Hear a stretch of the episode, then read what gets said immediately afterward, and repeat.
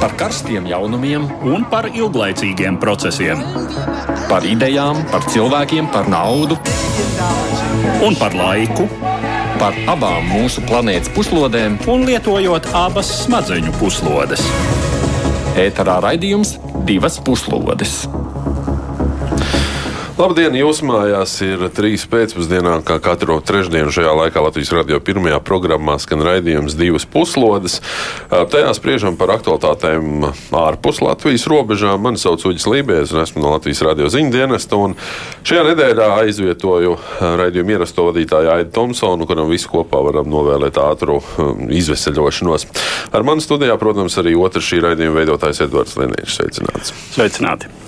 Un turpmākās stundas laikā mēs kopā ar mūsu ekspertiem plašāk aprunāsimies par šādām tēmām. Nu, pat kā esam aizvadījuši 9. maiju, kas agresoru valstī Krievijā tiek plaši atzīmēts, svinot Padomju Savienības uzvaru Otrajā pasaules karā. Turpinoties karam Ukrainā, šogad svinības gan bijušas tādas visai pieticīgas, un arī tradicionālā militārā parāda sarkanajā laukumā izskatījusies diezgan bēdīgi. Lai arī daudzas Otrā pasaules kara cīņas tika izcīnītas tieši Ukrainā, un 9. maija arī Ukrainai ir ļoti nozīmīgs, tomēr turpmāk Ukraina vēlas šai datumā atzīmēt Eiropas dienu. Taču aktīvā kara darbība Ukrainā turpinās jau gadu un trīs mēnešus, un abas puses gatavojas pavasara pretuzbrukumam. Ukraina turpina apkopot spēkus, lai dotu triecienu iebrucējiem. Krievijas spēki turpina stiprināt savas ieņemtās pozīcijas, lai šādu pretuzbrukumu atvairītu. Kad šāds uzbrukums varētu sākties, kādi ir spēku samēri stiprās un vājās puses?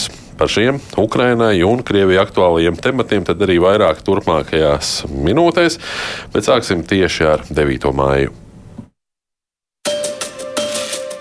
Uzvaras dienas svinības 9. maijā ir mūsdienu Krievijas svarīgākais datums, samērojams varbūt vienīgi ar jaungadu.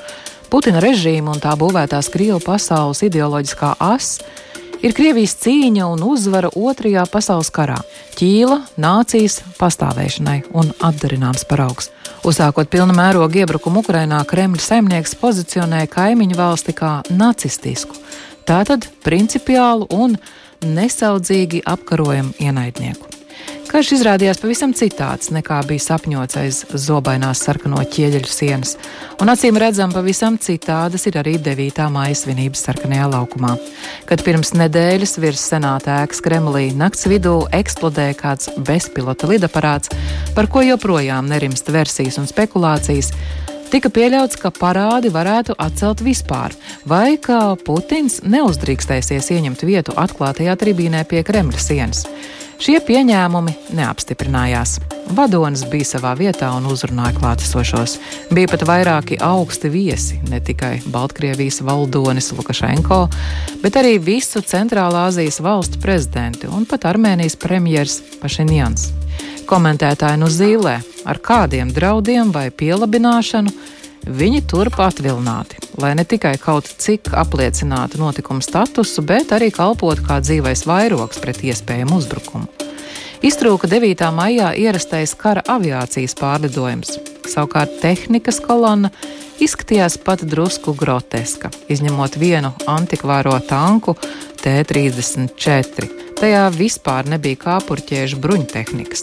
Ja nebūtu platformu ar pretgaisa raķetēm S-400 un starpkontinentālajām balistiskajām JARS, attiecīgais tehnikas komplekts vairāk atbilstu kādai trešās pasaules valstelē. Kā spilgtāko elementu vadoņu runā novērotāji atzīmē paralēli starp tā saucamo lielo tēvijas karu un pašreizējo karu Ukrainā, sakot, ka pret Krieviju tiekot vērsts īsts karš un tādējādi mēģinot uzdot agresoru par to, kurš aizstāvs. Šogad izpalikusi arī pēdējo gadu Krievijas 9. māja tradīcija, tā saucamā nemirstīgā pulka gājiena. Iemesls visdrīzāk ir bažās, ka gājienu dalībnieki varētu iedomāties līdzās reiz karojošajiem vecstāviem, iznest apskatēji pašreizējā karā kritušo portretus. Tikām Ukrainas prezidents Volodimirs Zelenskis Pirmdien paziņoja, ka iesniedz parlamentam likumprojektu, ar kuru paredzēts atcelt līdz šim pieņemto uzvaras dienas svinēšanu 9. maijā. Turpmāk Ukrainai būtu jāatzīmē tikai piemiņas un samierināšanās diena 8. maijā. Savukārt 9. maijā jāsvin Eiropas diena. Divas puslodes! Tik tālu par 9. māju Krievijā, un šodien mums ar Eduardu studijā pievienojas divi militārie eksperti. Nacionālo bruņoto spēku majors Jānis Laidiņš, sveicināts. Sveicināt. Un Latvijas Nacionālās aizsardzības akadēmijas drošības un strateģiskās pētniecības centra pētnieks Valdis Kuzmins. Labdien! Labdien. Nu, visi, protams, parādē pamanīja T-34 tanku, ārvalstu mēdīju pilni ar uh, dažādiem komentāriem par to, cik Krievijas armijā viss ļoti slikti. No otras puses, mazāk varbūt pamanīts, Rostovā pie Donas, ja nemaldos, vakar arī notika militārā parāde. Tur jau tika daudz modernāki tanki at, atspoguļoti un izrādīti, un tas ir pavisam citā geogrāfiskā atrašanās vietā. Uh, Kā būtu jāuztver tas, ko mēs redzam Maskavā, sarkanā laukumā, kas tiek rādīts Krievijas sabiedrībai un kas varbūt patiesībā realitātē notiek? Es nezinu, ar kuru sāksim. Sāksim Slēdīgi, kungs, jums, kā jums liekas. Ja, nu, es to neuzskatu. Nu, valsts karo un skaidrs, ka šajā brīdī sadzīt uh, tehniku, kur nepieciešama frontē, varētu tur daudz nesaprast, kāpēc tā ir. Jo visu laiku izskan ziņas, ka frontē trūks tas un trūks šitas. Un tāpēc es pieļauju domu, ka tas ir vienkārši ne jau kaut kāda draudi no bezpilota lidaparātiem vai kaut kāda terora akti bija galvenais šajā, šajā ziņā. Ja runājam par Rostovu, viņi atrodas front, tuvu frontē. Tur ir dislocēts arī pietiekami daudz Krievijas vienības, kur rīcībā arī ir šīs rezerves kaujas tehnika. Putina režīms dzīvo tik ilgi Krievijā, sekmīgi ir noturējies, jo viņš ir spējīgs efektīvi monitorēt sabiedrības viedokli publiski neafišējot, kā viņi to dara. Un šajā gadījumā sabiedrība nesaprast, kā Majorkungs jau minēja, sabiedrība nesaprast modernākos tehnikas līdzekļus sarkanajā laukumā, tad būtu pirmais jautājums, kāpēc viņi nav pie Bahmutas nosacītās. Šajā gadījumā tas bija ļoti viltīgi, es teiktu, viltīgi nospēlēta schēma. Galvenā diskusija pavisam vienkārši 9. maija ir Krievijas svarīgākie, nevis varbūt, bet svarīgākie valsts svētki kas ir pielīdzināma Krievijas nu, dibināšanas diena. Nav tādas dienas, kad ir dibināta Krievijas federācija. Viņi izveidojas sabrūkot Padomju Savienībai, nav ko svinēt, un tas, ko var svinēt, to mēs svinām. Un vienkārši kopš 2005. gada tā tehnika vienmēr ir eskalējusies. Lielākais skaits, ja nemaldos, bija 190 dažādas vienības. Nu, tagad ir skaidrs, ka to atļauties nevar. Nav, nav īsti valsts svētkiem piemērots datums. Nu.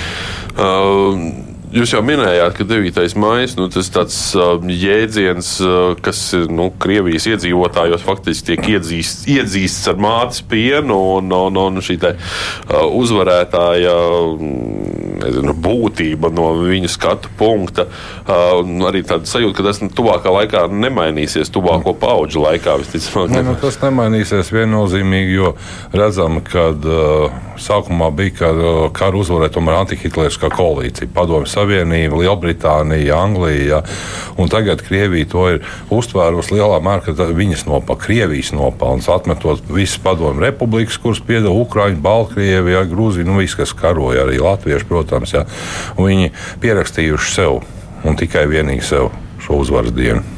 Šeit es gribu atzīmēt, es ne, ne, negribētu piekrist tieši ar mātes pienu, jo ir svarīgi. 9. maija tādā paskatā, kāds viņš ir tagad, ir Putina ieviesta tradīcija. Apzināti, mērķtiecīgi no pirmās dienas, kad viņš stājās pie varas, 9. maija ir transformēts par galvenajiem valsts svētkiem. Tie, tā nav padomju tradīcija. Padomju laikā parādes vispār sarkanajā laukumā notika 4-5 reizes, nu kā skaitri. Ja, tur 45. gads, 65. un tad uz apaļām jubilejām. Militārā tehnika tur nebija. Galvenie svētki bija novembra svētki, oktobra svētki, kas notika novembrī. Un padomju laikā tie bija tīri ģimeniski svētki visiem tiem daudzajiem tagadējās Krievijas iedzīvotājiem, kuriem tēvs, vectēvs, abi vectēvi piedalījās šajā karā. Putins, kā jau teicu, viņa režīms balstās uz ļoti niansētu sabiedrības viedokļa monitorēšanu un dot viņiem to, ko viņi grib. Viņi konstatē, ka vienīgais, ko Krievijas iedzīvotājs lepojās, ar ko viņš lepojās, 75% 2000. gada sākumā ir uzvara lielajā tēvijas karā. Tātad šo mēs arī izmantojam. Ja, tas ir šādā veidā apzināti palielinot parādes vai ieviešot Georga lentīti, nemirstīgais pulks, tātad vecstāvs uz koka kātu. Un vis, lūk, visas šīs tradīcijas viņas ir apzināti ieviestas Un tas prasīja, nu, cik Putins mums ir 23 gadi, tagad reāli pie varas ar nelielu formālu pauzīti. Protams, ja tagad Krievija novelk robežu un paziņo, nē, mums ir jāmeklē cita identitāte, cita svarīga detaļa, to varētu mainīt. Bet tas prasītu 10, 15. Nu, nebrīnītos, ja vēl 20 gadi, droši vien vēl saprātīga paudze nomainītos un tas beigtos. Tā kā gluži ar par mātes pienu es to negribētu saukt. Jā, bet es arī tagad bērnu dārzos ir bērndārznieku parādis. Ja tas nozīmē, ka jau no galīgi mazām dienām ņemam jau to iekšā. Un šī klaunāde, kas tur iet, nu, nožēlojam diezgan. Jā, tas ir tas priekšstats, kas um, līdz šim ir ticis radīts Krievijas sabiedrībā, uh, kā karš tas ir jauki ka karš ir skaisti primāri, ka tas ir nu, piedzīvojums. Šis elements jau ir bijis visos karos. Nu, mēs teiksim, eh, vēsturē skatoties, eh, zinām par tiem pašiem latviešu strēlniekiem, ka daudz puikas arī gāja Pirmajā pasaules karā sākotnēji ar domu, ka tur ir skaisti, tas ir pūtēji orķestris, medaļas, smuka uniforma, meitenes līdz ar to pievērš uzmanību un tā tālāk. Nu, un tad, kad tika reālajos ierakumos, eh, tad saprata, ka tā realitāte ir pavisam cita. Eh, un, eh, Šī izjūta Krievijas sabiedrībā ir eskalējusies jo vairāk, jo mazāk ir palicis to, kas reāli to šausmīgo karu, nepārprotami šausmīgo, ir piedzīvojuši. Šobrīd pēdējie iesauktie kas, padom, kas sarkanajā armijā varēja tikt iesaukti uh, oficiāli uh, Otrā pasaules kara laikā, ir 96, 95, 96 gadus veci. Cik nu tādu ir? Nu, vēl teiksim, varbūt kaut kādi jaunāki, kas tur ietrāpījuši, nu, tad tiem ir 92, 93. Un, nu, un tie, kas pārējie to ir redzējuši kā bērni, kas tomēr nav reāli karojuši. Līdz ar to es teiktu tā, ka nu, tā mātes piena garša. Es atļaušos tādu metaforu lietot, varētu tikt sabojāta um, ar kara realitāti, kuru Krievija nogaršos šajā karā. Un tad varbūt šis varam atkārtot motīvus, eh, vairs neizskatīsies tik pārliecinoši. Nu, kādreiz bija tas teiciens, ka Staļina laikā parāds nerīkoja, jo bija pārāk daudz dzīvo otrā pasaules kara dalībnieku. Tagad, Tā skaitā invalīdu. Tagad, stā, tagad situācija ir nu, līdzīga. Šajā situācijā palielinās to cilvēku skaits, kur ir vai nu zaudējuši savus tuviniekus karā, vai nu ir kļuvuši par invalīdiem. Kā tas varētu ietekmēt šo kultu uz priekšu? Nu, pagaidām tas kults zeļ un plaukst. Cilvēki vēl aizvien publiski savā nu, burbulī dzīvo un šo karu idealizē eh, dažādos veidos un formās, gan, eh, gan publiski, gan kaut kur citur. Bet, protams, tāda iespēja ir. Es atgriežos pie Staļina laikā, Neriku, jo bija jau parādi. Oktobra svētki bija parādi, brauca tehnika, bija pat vesela militāro ekspertu zinātnes novirziens. Skatījās, kādas balistiskās raķetes mērīja diametrus, salīdzināja bruģa garumu, lai saprastu, cik tā raķete ir liela, jo vienmēr modernākos ieročus rādīja oktobra gada dienas parādē pa sarkano laukumu brauc. Vienkārši Putina laikā tas nomainījās. No oktobra aizgāja, aizgāja uz turieni. Jā, tā kā tā herozācija turpināsies, vienīgais veids, kas, kas šeit ir realistiski redzams, ka ir, ka, nu, lai Krievija pati tiek ar sevi galā, kā viņa savu identitāti veidos, kā viņa formuēs. Bet tas nemainīsies no līdz brīdim, kamēr viņi paši sev neuzdos jautājumus, kas mēs esam. Un šajā gadījumā es gribētu uzsvērt, nu, tas impēriskums nav nekas unikāls Krievijai. Ja mēs skatāmies Francijas impēriju de facto, kad beidzās, kad Nīderlandes impērija paziņo, ka viņi tomēr varbūt negrib līdz galam būt impērija. Portugāle no visām valstīm. Jā, viņi bija uzskatījuši sevi par koloniālu impēriju līdz pat 75. gadam. Tas nav nemaz tik sen. Un arī viņi gājuši caur tādām mokām cauri, kā tad mēs tagad būsim, kad mēs vairs neesam. Bet mēs taču esam bijām tur 500 gadus, kā Krievijā, kā Krievijā saka, izpakonvieko, viss ir bijis mūsu un tagad vairs nav mūsu. Kā tā? Tā kā arī šis process nav, nav tāds pilnīgi neiespējams, viņš ir iespējams, bet nu, diezgan sāpīgs pašiem tikt skaidrībā, kad, kad mēs gribam pārtraukt būt par impēriju. Jā, vien, viena no tautām, kurai nākas pārskatīt savu, iep, savus iepriekšējos uzskatus, tā ir uh, Ukraiņu tauta. Un 9. maija līdz šim arī nu, tika atzīmēts Ukraiņā, arī Baltkrievijā, un kā Slēdiņkungs minēja, arī nu, faktiski daudzās bijušajās padomju republikās. Uh, tad šie priekšstati mainās, un par to Edvards ir sarunājās ar analītiskā centra apvienotā Ukraina ekspertu Dmitro Ļevušu. Cik 9. māja tradīcijā Ukrainā ir palicis no padomju mantojuma? Un kas ir mainījies pēc pagājušā gada februāra? После того, как перестал существовать Советский Союз, Pēc tam, kad Padomju Savienība beidza pastāvēt, kardināls izmaiņas ļoti ilgu laiku nenotika. Nevarētu gan teikt, ka visā Ukrainā tas bija vienādi. Rietumos, Galīcijā pastāvēja nepārprotama apziņa, ka kara beigās viena okupācija nomainīja cita. Volīnijā, Rīvas apgabalā, situācija izskatījās nedaudz savādāk. Lai gan arī tie bija galvenie Ukrainas nemiernieku armijas cīņu rajoni, te noskaņojumi iespaidoja lielāka Maskavas patriarchāta pareizticīgo baznīcas ietekme. Tā kā sākotnēji neatkarīgā Ukraina lielākoties palika tāda pati Ukrainas PSR, kas pašai sev negaidīti ieguvusi neatkarību, tad pat oficiālā līmenī svinēšana turpinājās tādā pašā garā kā līdz tam. Tomēr izmaiņas bija, lai gan drīzāk pat par spīti redzējumam no augšām. Drīzāk izmaiņas nāca no apakšas. Pastāvēja ģimeņu vēsturiskā atmiņa, piemēram, par tā saucamajiem melnajiem kainiekiem. Tie ir ukrāņi, kurus iesauca 1943. un 44. gadā tā saucamā lauka kara komisariāta.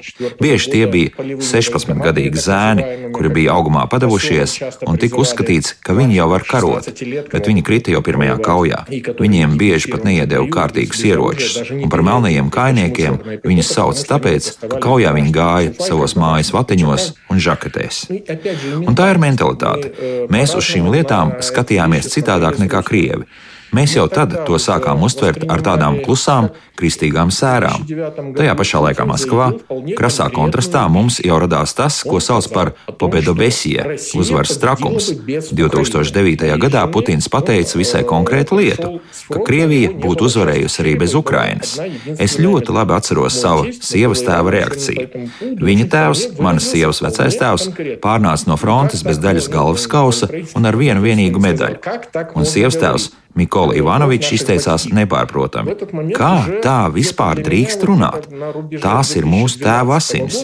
Man pašam ap 2011. un 2012. gada miju jau kļuva pilnīgi skaidrs, kas sāk notikt Krievijā. Tad nāca 2014. gads, kad šis uzvaras jēdziens darbojās kā konsolidējošs faktors. Līdz tam bija ļoti daudzi, kuri būdami Ukraiņas patrioti, tajā pašā laikā aizstāvēja 9. māju, kad Krievija sāka šo Eldorado lenti bāzt visur, kur vien var, un pasludināja savus monopolu tiesības uz otrā pasaules kara uzvarētāju statusu, tad daudzi no tā novērsās.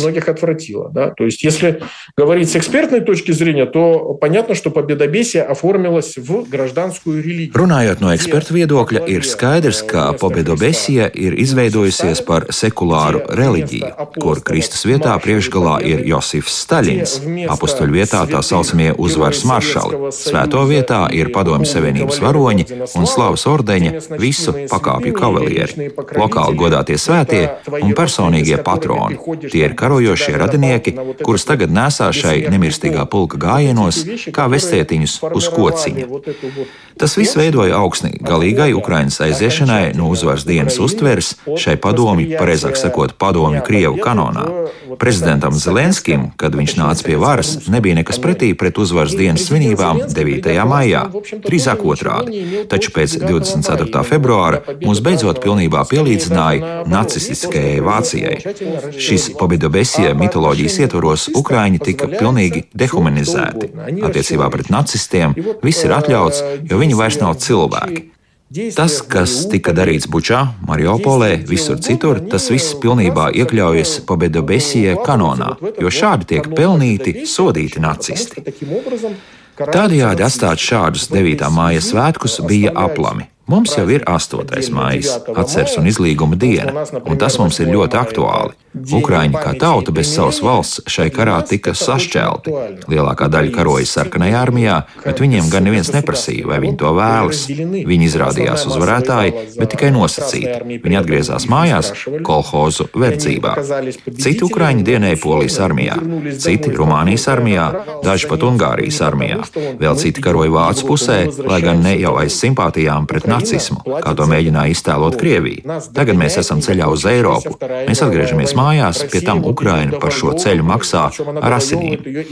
Un nepabeigtais otrais pasaules karš dzēnas mums pakaļ. Krievija to turpina izkarot, un tā karot tieši tajā pašā pusē, kur karoja kādreiz - Kolimas pusē, Gulaga pusē. Tur atpakaļ viņi mūs cenšas iedzīt. Tā kā tas ir objektīvi, 8. maija kā klusa sēru diena par visiem mirušajiem, un 9. maija kā Eiropas diena. Eiropas kopības diena, kas rāda, kurp mēs ejam. Šajā ziņā likumprojekts un prezidenta Zelenska dekrets ir absolūti loģisks, un spriežot pēc reakcijām, Ukraiņas sabiedrība to ir uztvērusi ļoti pareizi. Un tā arī notiks. Воспринято очень правильно, и так оно и будет. То есть в Украине нет каких-то... Tātad Ukrainā nepastāv kādas nepiekrišanas vai protesta izpausmes pret šo lēmumu lēmumu. Tās tiešām ir nemanāmas. Pat to spēku protests, kur līdz šim tika uztvērti kā prokrieviski, ir aptuveni statistiskās kļūdas līmenī. Nevairāk. Divas puslodes!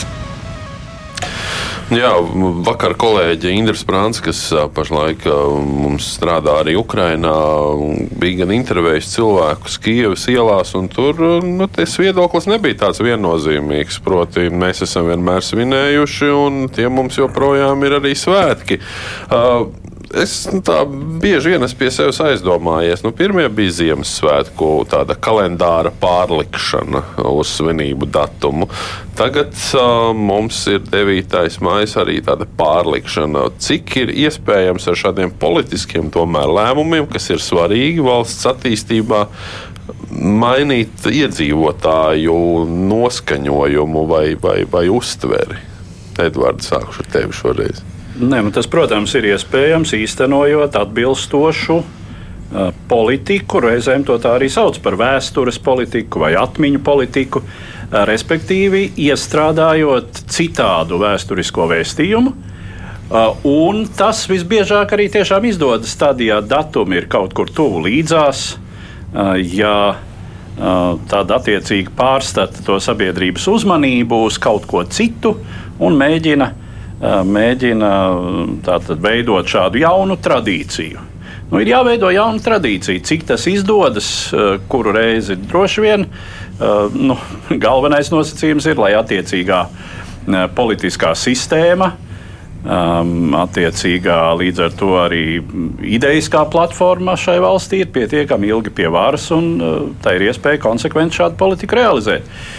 Ja Krievija uh, tādu vai citādu apstākļu rezultātā uh, tiks uz kaut kāda demokratizācijas, uh, tiesiskuma, atjaunošanas ceļa. Uh, droši vien, ka tā arī centīsies tomēr veidot citādu vēstījumu par sevi un pati sev, uh, jo nu, ir redzams, ka šī, šī um, uzvaras psihoze, pabieda biesija, uzvaras trakums, nu, tā, tā ir visai destruktīvi rezultāti. Uh, jo, kas manuprāt arī ir acīm redzami, uh, tas notrūlina paškritiku. Mēs esam uzvarētāji pēc definīcijas. Mēs, Krievi, uzvarēsim vienmēr. Nu, tad, kad izrādās, ka ir jādara, jā, tad tas rezultāts ir nepārliecinošs. Jo ļoti iespējams, ka ļoti daudzos ir bijusi izjūta, ka gan jau sanāks kaut kā tāpat. Jā, manuprāt, nu, tikai nedaudz papildinot tas, ko raksta sociālos tīklos Krievijā. Tā reakcionārā daļa, jeb tāda daļa, tas, kas viņi raksta, ka viens no iemesliem, kādēļ neiet tā, kā bija plānots, ir tas, ka elites netic, ka varētu zaudēt. Nu, tieši līdzīgi šajā veidā. Mēs taču vienmēr 150, ne, bet gandrīz 1000 gadus esam visos karos uzvarējuši. It kā, lai gan tā nav patiesība, katrā otrajā viņi nav uzvarējuši, bet uzturot šo mītu pie sevis, tur nonāca tādā burbulī kurā tu saproti, ka tev kaut kas tad ir tā Ukraina, ja, cik daudz jau tagad ir sard, tāds mēms saražots par to, nu, kas tad tā Ukraina divās dienās uzvarēsim, ka izrādās vienkārši ar plātīšanos nepietiek ka ir nepieciešams arī kaut ko šādā veidā darīt. Un tas varētu būt viens no tiem veidiem, protams, tas viss ir atkarīgs no tā, kā šis karš beigsies nu, un vai viņš vispār beigsies. Es domāju, ka viņš nekad nebeigsies pēc būtības. Tas būs kā Ziemeļkoreja, Dienvidkoreja. Tikai nu, tā augstā fāze, karstā fāze, apmēram tādā veidā, bet kāda būs tā reakcija, ka ar to vien, ar to vien nepietiek kā tikai ar plātīšanos. Vēl viena lieta, uz ko norāda dažādi komentētāji, ka pagājušajā gadā nebija faktiski neviena ārvalstu līderi, kas bija aizbraukuši uz Maskavu. Šogad bija sapulcināti veseli septiņi. Un, uh, daži saka, nu, ka varbūt to, tas varētu tikt mēģināts pasniegt kā kaut kāds uh, Krievijas darbību atzinības novērtējums. Uh, no otras puses, citi saka, ka tie varēja būt vairāk dzīvie vairogi, nevis reāli atbalstītāji. Uh, par ko tas liecina jūsuprāt? Nu, droši vien, ka tas ir zināms Krievijas diplomātijas sasniegums. Eh, jo, mm, nu, domājot kaut vai par to pašu Pašiņānu, eh, viņam šī izšķiršanās, manuprāt, nenāca viegli. Cita lieta ir tāds Lukašenko, kurš būtībā ir Krievijas vasalis. Baltkrievija faktiski ir okupēta valsts. Eh, un, nu, viņam tur droši vien būtu jābūt. Lai gan viņš ļoti ātri esot uh, pametis Maskavu, nu, runā par veselības problēmām. Jā, nu, par, runājot piekrīt par uh, Pašiņanu, nu, redzam, ka Krievija pret Armēniju noslaucīja kājas diezgan pamatīgi. Jautājums arī, ko dara uh, Kazahstānas prezidents. Redzam, ka pēdējā laikā Kazahstānā ir noteikti tādas separātistas darbības valsts ziemeļos. Krievija jau šī propaganda atklāti neslēpj, ka Kazaki viņi ir ieņēmuši mūsu zemes, mēs esam viņiem uzdāvinājuši bijuši. Ja? Un redzam, ka šīs attiecības pēdējā laikā starp Krieviju un Kazahstānu ir diezgan saspīlētas. Kazaki jau nedos savu zemi noteikti. Viņi turpinās, viņi ir diezgan nacionāli noskaņot, un liela daļa atbalsta arī Ukrainu. Ja? Un Krieviem jau kas tur iemūk iekšā nav saldā dzīve. Ja? Viņiem, Nu, es domāju, ka šeit eh, es gan varbūt tik gluži nepiekrīstu, ka tā bija smaga izšķiršanās. Tas, ko Krievijas ārpolitikas vadība un vispār tik līdz kā tiek runāts par ārpolitiku, visnotaļ pēdējā gada laikā tiek uzsvērts izdevīgums. Nav nekādu principu, ir tikai kas ir nu, Krievijas interesēs vai šajā gadījumā, piemēram, Armēnijas interesēs. Un tas, ko es redzu šeit, ka visiem šiem līderiem tika izteikts piedāvājums, no kura viņi vienkārši nevarēja atteikties. Jā, Pašiņāna gadījumā tas vai nedrīkstēja. Vai nedrīkstēja atteikties. Pašiņāna gadījumā tas ir acīm redzams. Ja jūs neuztverat, ne, nepieņemsiet mūsu piedāvājumu, Krievijas mieru uzturēšanas spēki iet ārā no Karabahas, no tās, kas tur ir palicis tā saucamās Karabahas. Un es domāju, ka Pašiņāna kungs kungs ļoti labi saprot, ka tur ik pa brīdim notiek bruņoti konflikts ar Azerbaidžānas bruņotajiem spēkiem un de facto Armēnijas bruņotajiem spēkiem. Nu, es ticu, ka tur tika dots mājiens ar sēdes mietu, no kur viņš nevarēja atteikties. Un tālāk pēc saraksta katram no viņiem tika sagatavots piedāvājums, no kura viņš nevarēja atteikties.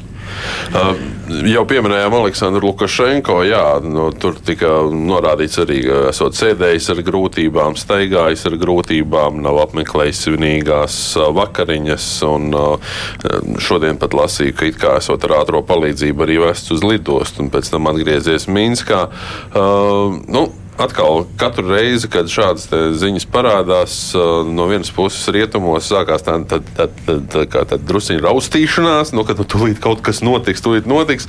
No otras puses, nu, jā, šie līderi, būsim atklāti, daudzi arī gados, ne tajos trakākajos gados, teiksim, pēc vecuma Vai šis faktors vispār ir jāņem vērā, kaut kā domājot par nākotnes notikumu attīstību? Nu, runājot tieši par šīm valstīm, kas tur tajā tribīnē bija pārstāvēts, pārstāvēts, protams, jo lielāko tiesu tie ir autoritāri režīmi, autoritāri vai daļēji autoritāri. Un, nu, to jau visi, kas ir piedzīvojuši Padomju Savienību, ļoti labi atceras. Kā vadoņa aiziešana, tas bija lielāko tiesu nu, nozīmīgs pavērsiens. Uh, labi, tur teiksim, 80. gadi, kad tur jau bija šī, uh, šīs sacīkstes uh, uz lafetēm, ja, kur, kur mm, nomainījās salīdzinoši īsā laikā Tā tad trīs vadītāji Padomju Savienībai. Nu, tur tas jau kļuva tā traģikomiski, un, bet nu, tas bija pats pats. Nevelti jau šī valsts arī faktiski tajā brīdī bruka. Um, ja ne ļoti manāmi, tad būtībā. Bet pirms tam nu, radikāls pārmaiņas, teiksim, no staļinisma uz Hruščova atpūsni, nu, no Hruščova atpūšņa uz Brežņeva uh, periodu ko bieži mēdz dēvēt par stagnāciju. Tā tad vadoņa personība ļoti daudz ko noteica.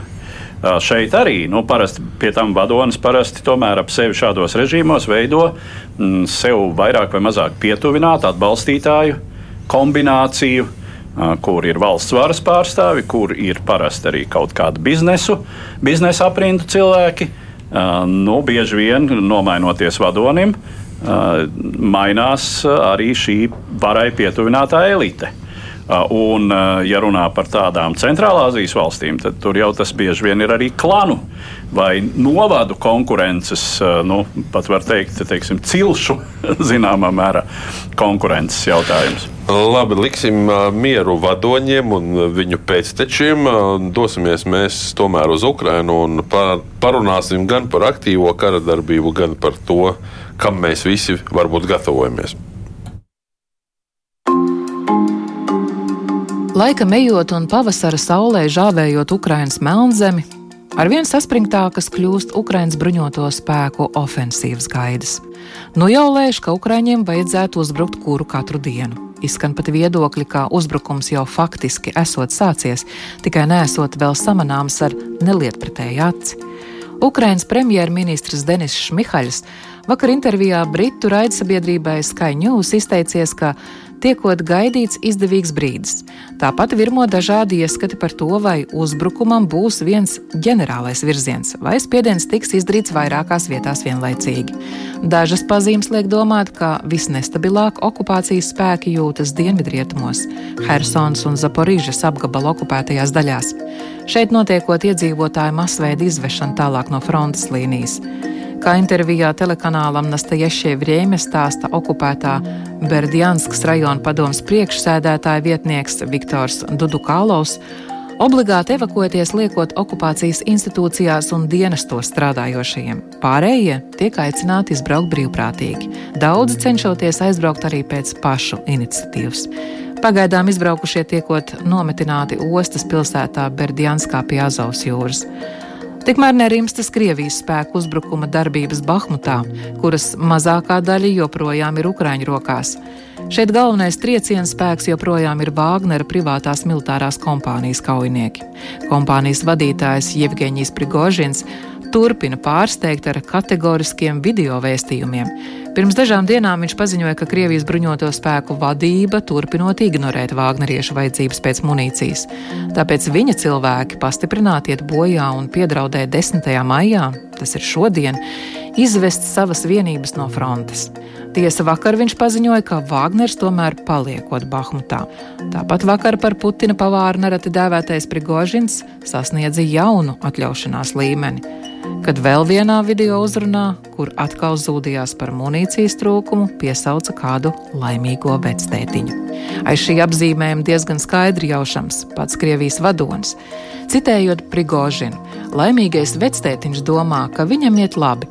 Ja viņam izrādīsies taisnība, Dievs dod visiem veselību. Bet ko darīt valstī, mūsu bērniem, mazbērniem, Krievijas nākotnē, un kā uzvarēt karu, ja pēkšņi, nejauši, es vienkārši pieļauju, izrādīsies, ka šis vectētiņš ir pēdīgais idiots. divas puslodes.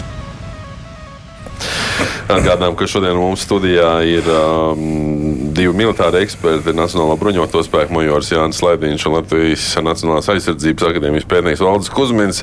Uh, tikko tika pieminēts Prigožina vārds, sākās tāda čalojoša tāda urdoņa jūsu abu starpā un viegli smīni. Kāpēc tā? Nu, ir pilnīgi skaidrs, ka tas, ko Prigožins pēdējā laikā uzstājās, ka viņš ir kļuvis par internetu karalu, nu, tur nevajag ņemt to pārāk nopietni. Jāsaprot, ka viņi tie draudi, mēs tūlīt iesim prom no Bahmutas. Viņu grupējums izpilda Krievijas ģenerālštāba rīkojas. Viņi ieņēmuši pozīcijas. Nu, kas tad būs tā kā kādā kolhozā, negribu vairs kartupeļus lasīties, iešu projām. Jā. Nu, tā nenotiekās, jā, jo ir konkrēts uzdevums un viņš ir jāizpilda. Un tas arī viss. Jā. Tas, ka viņiem kaut kas trūkst, ļoti iespējams, visiem kaut kas trūkst kara darbībā, bet kaujas gaita neliecina par munīcijas trūkumu. Jā. Bahmuta tiek grauta, artilērijas intensitāte ir pieaugusi, jā, un tas ir tāds iekšējām vajadzībām, tāds tirgus. Jā. Man vēl patīk patīk, ka pieslēdzās vēl īro, un mēs tādu nomainīsim. Jā. Bet, kad īro vienības tas ir nu, Rosgvardija, viņi nav domāti uzbrukuma operācijām, labākā gadījumā kā sprostvienības aizmugurē. Jā. Un tā ir viņa personīga armija būtu, kur viņš noteikti negribēs triekt uz Bahmutu virsmu. Tā šis teātris turpinās. Es domāju, ka arī vēl kādu laiku turpināsies.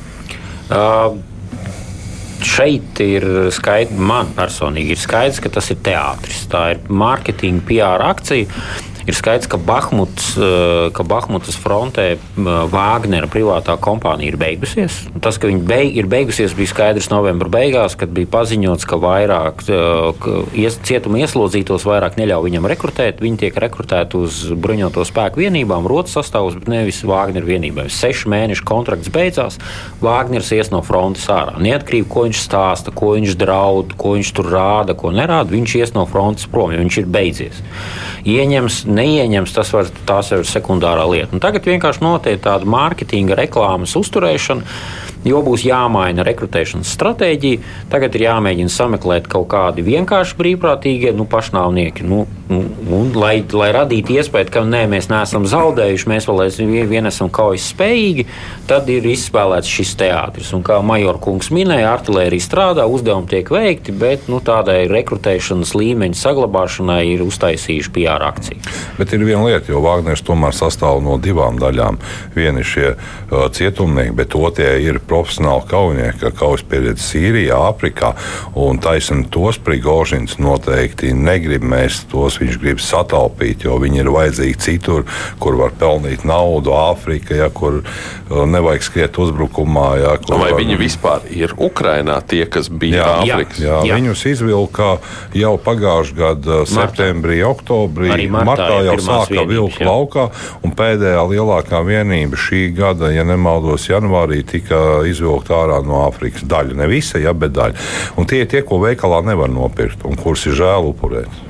Nu, tie ir speciālisti, snaiperi, dronu piloti, izlūku virsnieki, artērijas priekšējie novērotāji. Tie ir tie, kuri nosaka kaujas panākumu, bet tie, kas skrien no punkta A uz punktu B un ražo YouTube, YouTube klipus ar milzīgiem gaļas kalniem, tie ir zeki. Zeki beidzās mobilizētie jaunieši šo zeku lomu pildīt negrib. Viņi ieraksta un saka, mēs to neiesim, Prigožins ir beidzies. Nu, tagad tas ir tikai tiek noklāts salmi, lai vieglāk būtu krist.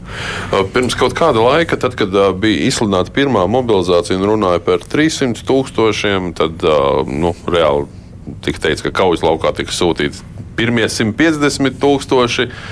Nākošie jau tika vairāk uh, apmācīti, pēc tam tika runāts par uh, obligātā dienesta pilnveidošanu un tādējādi stiprināšanu. Kā jūs arī minējāt par to, ka rekrutēšanas principiem jāmainās, iesaukšanas principiem jāmainās, kā šis viss notiekošais var ietekmēt notikumu attīstību uz priekšu?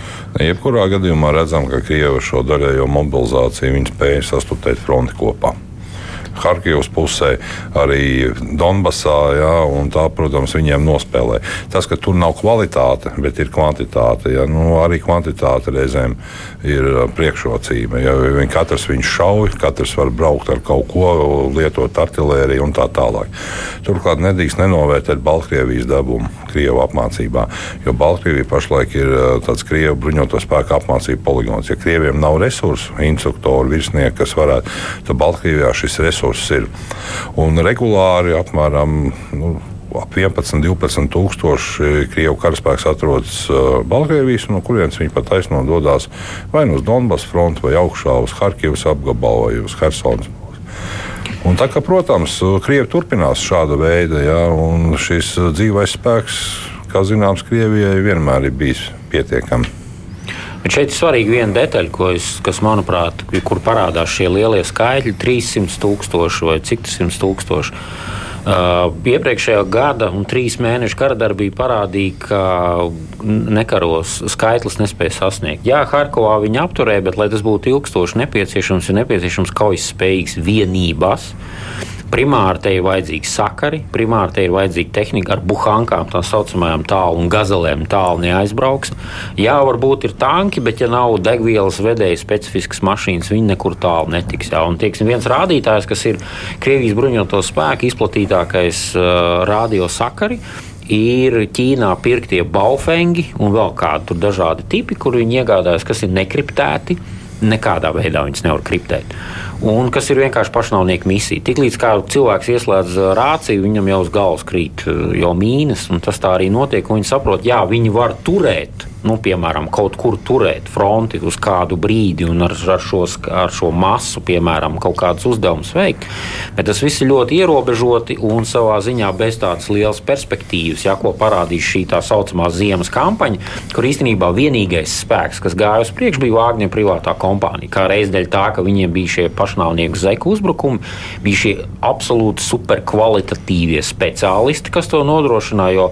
Es pilnīgi piekrītu Major kungam, ka tie bija tie speciālisti, kuri iespējams ir labākie kājnieki pasaulē. Tagad, nu, tādā individuālajā līmenī, jā, tie, kas izgājuši Sīrijas, Āfrikas un kaut kur citur, bet viņu ir maz. Un, lai viņi iet uz priekšu, viņiem vajag, nu, vajag šo vienību, brigādes, divīzijas vai vismaz bataljonus. Un te mēs nonākam pie tā, pie Ukraiņas bruņoto spēku, ja, kur mēs redzam, nu, teikt, ka Ukraiņas bruņotie spēki, nu, vismaz cik mēs tagad redzam, ir sākuši soļot ar pareizo kāju un visu reizē, ka tiek veidotas brigādes kuru ir daudz, un brigādes tiek apgādātas gan ar inženieru tehniku, gan ar benzīnu vedējiem. Nu, vismaz cik var vizuāli redzēt. Gatavojoties šim nu, gaidītajam pretuzbrukumam, vakardien sociālajos tīklos viens ukrāņu eksperts bija aprēķinājis apmēram kāds ir spēku samērs abās pusēs. Nu, tā ļoti īsi, nu, aptuveni, ka cilvēku skaitliskais sastāvs abās pusēs ir aptuveni vienāds pašlaik,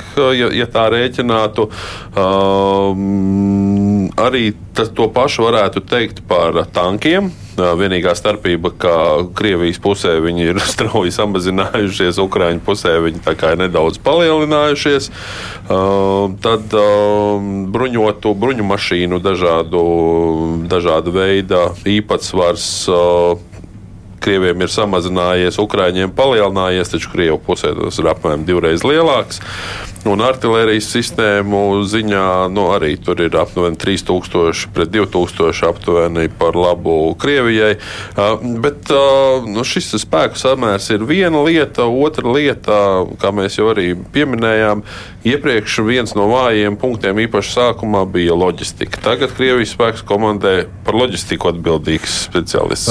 Es varu pastāstīt, jā, protams, Ukraiņi darījuši visu, lai šīs loģistikas ķēdes Krieviem izstieptos un būtu laiks garāks. Bet par galvenām divām problēmām, kas ir krieviem, kas Ukraiņiem noteikti būs jāizmanto, viņi to ļoti labi zina. Tas ir divas lietas, kas krieviem klibo. Pirmā tā joprojām ir lēmumu pieņemšana neiet, neko nav izdarījuši secinājums. Otrais - tā saļanka, tā, kas ir Krievijas ģenerāla štāba rīcībā, kas karo Ukrajinā.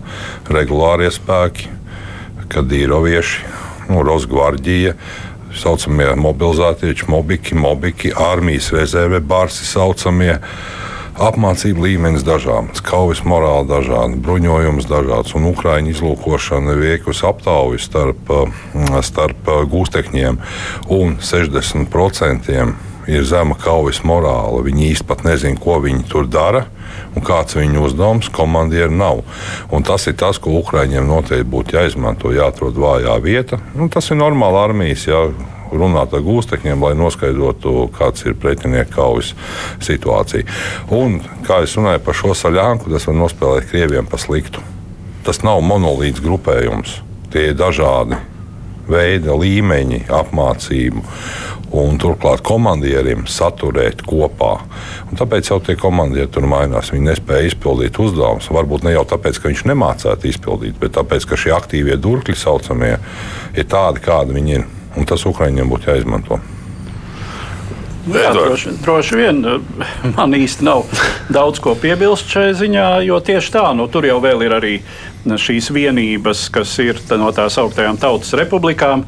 Doņetskas un Luhanskas. Viņas jau ir integrētas. To viņi ir salīdzinoši maz pat īstenībā. Nu jā, bet 1030. Uh, tieši tā, nu tā motivācija, kas jau Krievijai jāsaka, ir problēma bijusi vairāk vai mazāk vienmēr. Ka, uh, nu, teiksim, tā pašā Pirmajā pasaules karā ir šie stāsti, cik nu tie ir patiesība, cik nē, tas atkal ir cits jautājums. Droši vien tur ir arī sava daļa mitoloģijas, bet nu, tā tad kaut kādi Sibīrijas strēlnieki, kas bija atvesti šeit uz Latviju, karot pret Vācijas impērijas armiju, nu, īsti nebija motivēti. motivēti, jo šī nav viņu zeme. Šeit ir pavisam cita kultūra, cita civilizācija. Jā, kamēr velk teiksim, tas um, urā patriotiskais uzrāviens, tikmēr ir labi.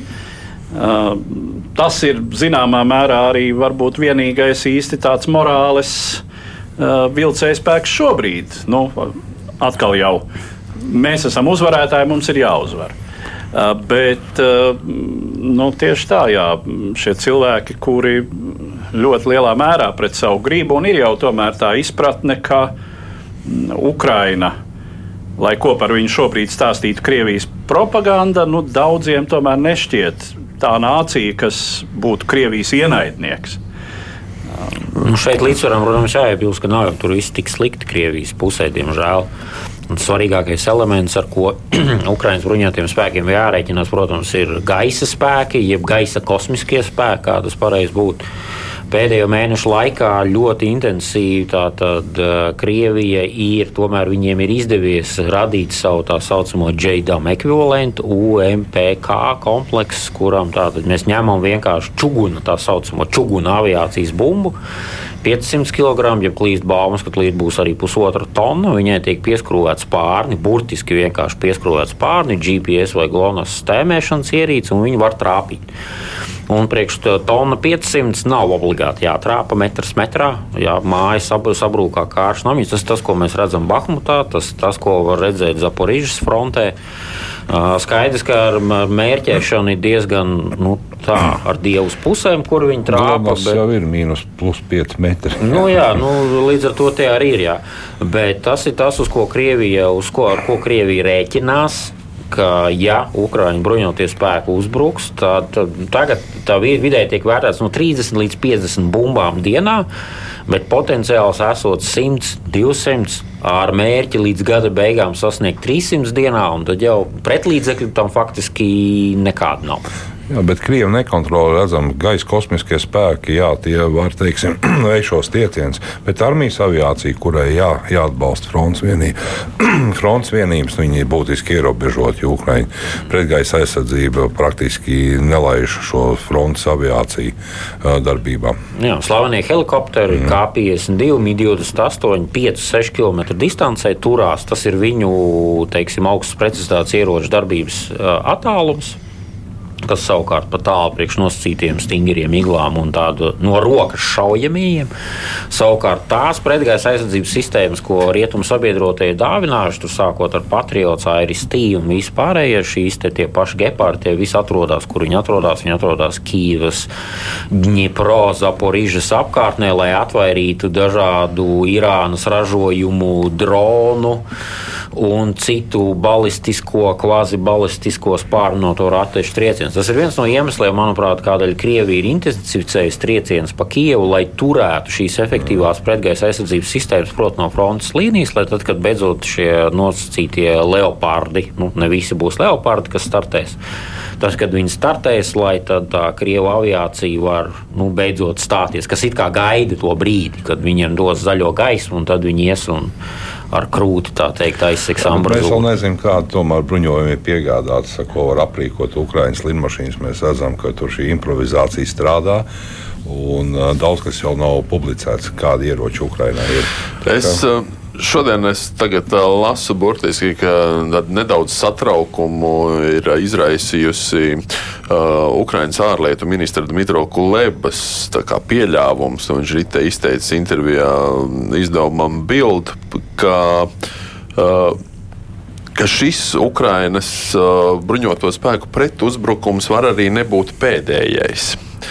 Nu, citi ir satraukušies, jo nu, es pieļauju, ka varbūt rietumos dažās valstīs ir tā sajūta, ka nu, tagad nu, būs tas izlēmums. Nu, Vai ir šis tāds... ir realitāte? Es varu ļoti vienkārši pakomentēt. Ja mēs runājam par Krimu kā vienu no galvenajiem mēģinājumiem, tas ir skaidrs, ka pirmajā lēcienā, ja ies virziens galvenais uzbrukums uz Krimu, viņi netiks vēsturiski Krimu ieņemot, vienmēr ir maksājusi ļoti daudz asins. To arī latviešu strēlnieki piedzīvoja, kas tik vēl nē. Teiksim, ja iziešana pie Azo jūras ar uguns kontroli pār Krimu, tad, protams, būs ilgi jādauza pa apgādi, pa Krīmas tiltu, lai Krievija paši no turienes aiziet prom. Nevajag gaidīt, ka Ukraiņi tur ieskries Krimā tā, sākot braukt. Nebūs tā. Nu, es domāju, ka šeit ir svarīga detaļa, ka ka Ukraiņas sabiedrība nav gatava pieņemt kaut ko mazāk par 100% savas teritoriālās nedalāmības atjaunošanu. Tas ir tas, ko Kulēba grib man liekas norādīt, ka neceriet, ka mēs pēc šī pretuzbrukuma, lai cik viņš būtu sekmīgs, būsim gatavi uz kaut kādiem alternatīviem piedāvājumiem. Jā, es domāju, ka es visnotaļ varu piekrist. Un, um, tas ir viedoklis, kuru Nu, respektīvi, šāda eiforija šai brīdī un kaut kādas pārlieku rožainas cerības nav veselīgas. Uh, nu, ja tādas ir, tad, tad no tām uh, vajadzētu vairīties. Sevišķi tiem, kuri uh, kuri patiešām atbalsta Ukrainu un uh, ir ar to solidāri. Kā šī šahspēle? Nu, jā, šahspēle par, par rožainajiem datiem, nerožainajiem datiem. Um, šajā statistikā, ko es jau šodien vairākas reizes pieminēju, ir arī uh, at, attēlots tāds. Um, tāda sadaļa par zaudējumiem. Krievijas spēku pusē zaudējumi tiek minēti no 220 līdz 300 tūkstošiem un uh, Ukraiņas pusē 130 tūkstoši plus. Uh, nu, tas, protams, ir uh, nezināms skaitlis mums, bet tomēr uh, šī apziņa, kad viņa nāks klajā kaut kādā brīdī, kāda tas ietekme varētu atstāt, mums ir burtiski nu, minūtes pusotra. Es domāju, skaitļi nav zināmi. Uh, abas puses uh, Tam ir pat tāds rupšs nosaukums, ja angļuiski kā to sauc. Abas puses negluži melo, bet viņas vienkārši tic tiem skaitļiem, kurus viņi paši ražo. Jā, viens ir tas, kas Kriev, Krievijas sociālos mēdījos Prigožins savos uzstāšanos laikos paziņoja, ka piecu dienu laikā viņš zaudēja 500 kritušos, ka tas jau izraisīja zināmu šoku tajā lielākajā urā patriotu sastāvdaļā, kas tomēr tic, ka Ukraiņi zaudē miljoniem, bet Krievijas bruņotie spēki zaudē tikai pāris desmit tūkstošus. Nu, nu, nav ko teikt. Nu, jā, jā, jā, jāsaprot, ka šie zaudējumi tā ir tā arī informatīva operācija, un to mēs zināsim tikai pēc kara. Bet ja galvenais ir tas, ka Ukraina nav sabrukusi, viņa jau gadu karo, un tas nozīmē, ka viss ir kārtībā. Mobilizācija veikta, apmācība ir redzēsim, ko šie vīri parādīs kaujas laukā. Ticam, veicās, ticam Ukraiņas armijai. Nu jā, faktiski mums šajā brīdī arī pamazām ir jāliek punkts mūsu šīs dienas diskusijā. Atgādināšu, ka šodien ar mums studijā bija Nacionālo bruņoto spēku majors Jānis Laidiņš. Paldies jums! Latvijas Nacionālās aizsardzības akadēmijas drošības un strateģiskās pētniecības centra pētnieks Valdis Kusmins. Paldies, saku arī Eduardam Liniņam un mūsu producentei Evijai Hunāmai. Mani sauc Muģis Lībijams, esmu Latvijas radio ziņu dienestā. Pēc nedēļas būs jau nākamās divas puslodes, arī nākamās apspriežamās ārvalstu aktualitātes un, ticiet vai nē, arī nākamais raidījuma vadītājs. Bet pašlaik, lai visiem jauka pēcpusdiena. Tā.